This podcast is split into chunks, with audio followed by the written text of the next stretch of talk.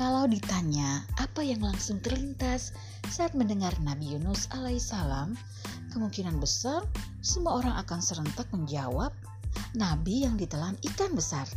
Benar bukan? Benar? Apa benar banget?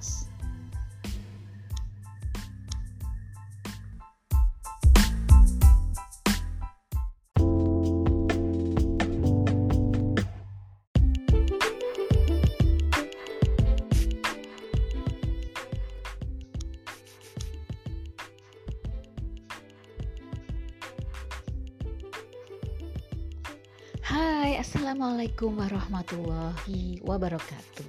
Bertemu lagi dengan saya Bunda Yulia. Ya, kali ini uh, suatu kebahagiaan yang sungguh luar biasa Bisa menyapa Bunda pecinta siroh di podcast saya. Baik, uh, saya lanjutkan kisah Nabi Yunus alaihissalam yang saya ambil dari buku Kisah 24 Nabi dan Rasul teladan utama. Bismillahirrahmanirrahim. Yunus berasal dari Mosul, Irak. Yunus sudah yatim sejak saat masih di dalam kandungan. Yunus diangkat menjadi rasul untuk kota Nainawa. Sebagaimana para nabi dan yang lain, dakwah Nabi Yunus alaihissalam tentulah juga mengalami penolakan. Bahkan setelah 33 tahun berdakwah, pengikut Nabi Yunus hanya dua orang, yakni Rubail dan Tanka.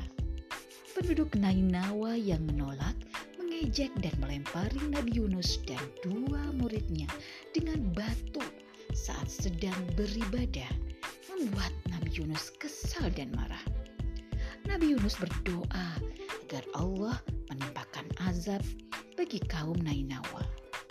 Allah pun memberi petunjuk bahwa azab akan turun dalam 30 hari ke depan, yaitu berupa awan hitam pekat bergulung yang disusul hujan deras, hujan yang akan menenggelamkan mereka.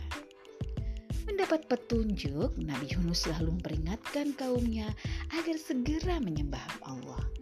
Saat itu penduduk Nainawa sedang mengadakan perayaan tahunan penyembahan Baal, yakni patung terbesar mereka. Bukannya taat, mereka justru semakin mengolok-ngolok Nabi Yunus. Sampai hari ke-29, pengikut Nabi Yunus tak juga bertambah. Dan hari ke-30, kaum Nainawa berkumpul di lapangan menunggu azab tapi rupanya Allah mengundur turunnya azab 10 hari lagi.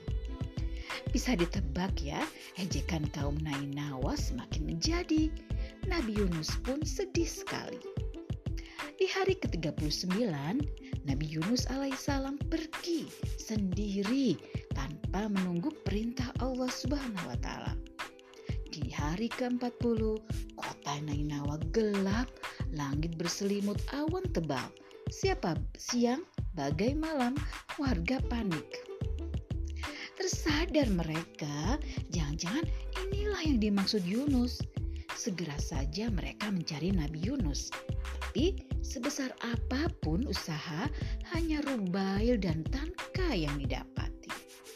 Kepada Rubail dan Tanka, warga meminta dituntut untuk bertaubat.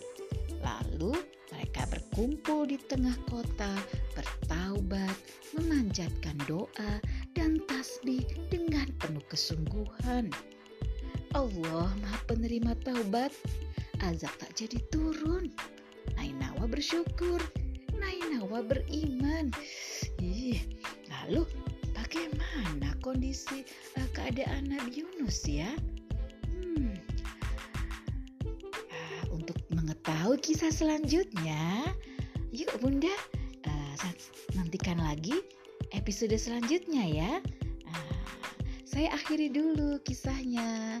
Assalamualaikum warahmatullahi wabarakatuh.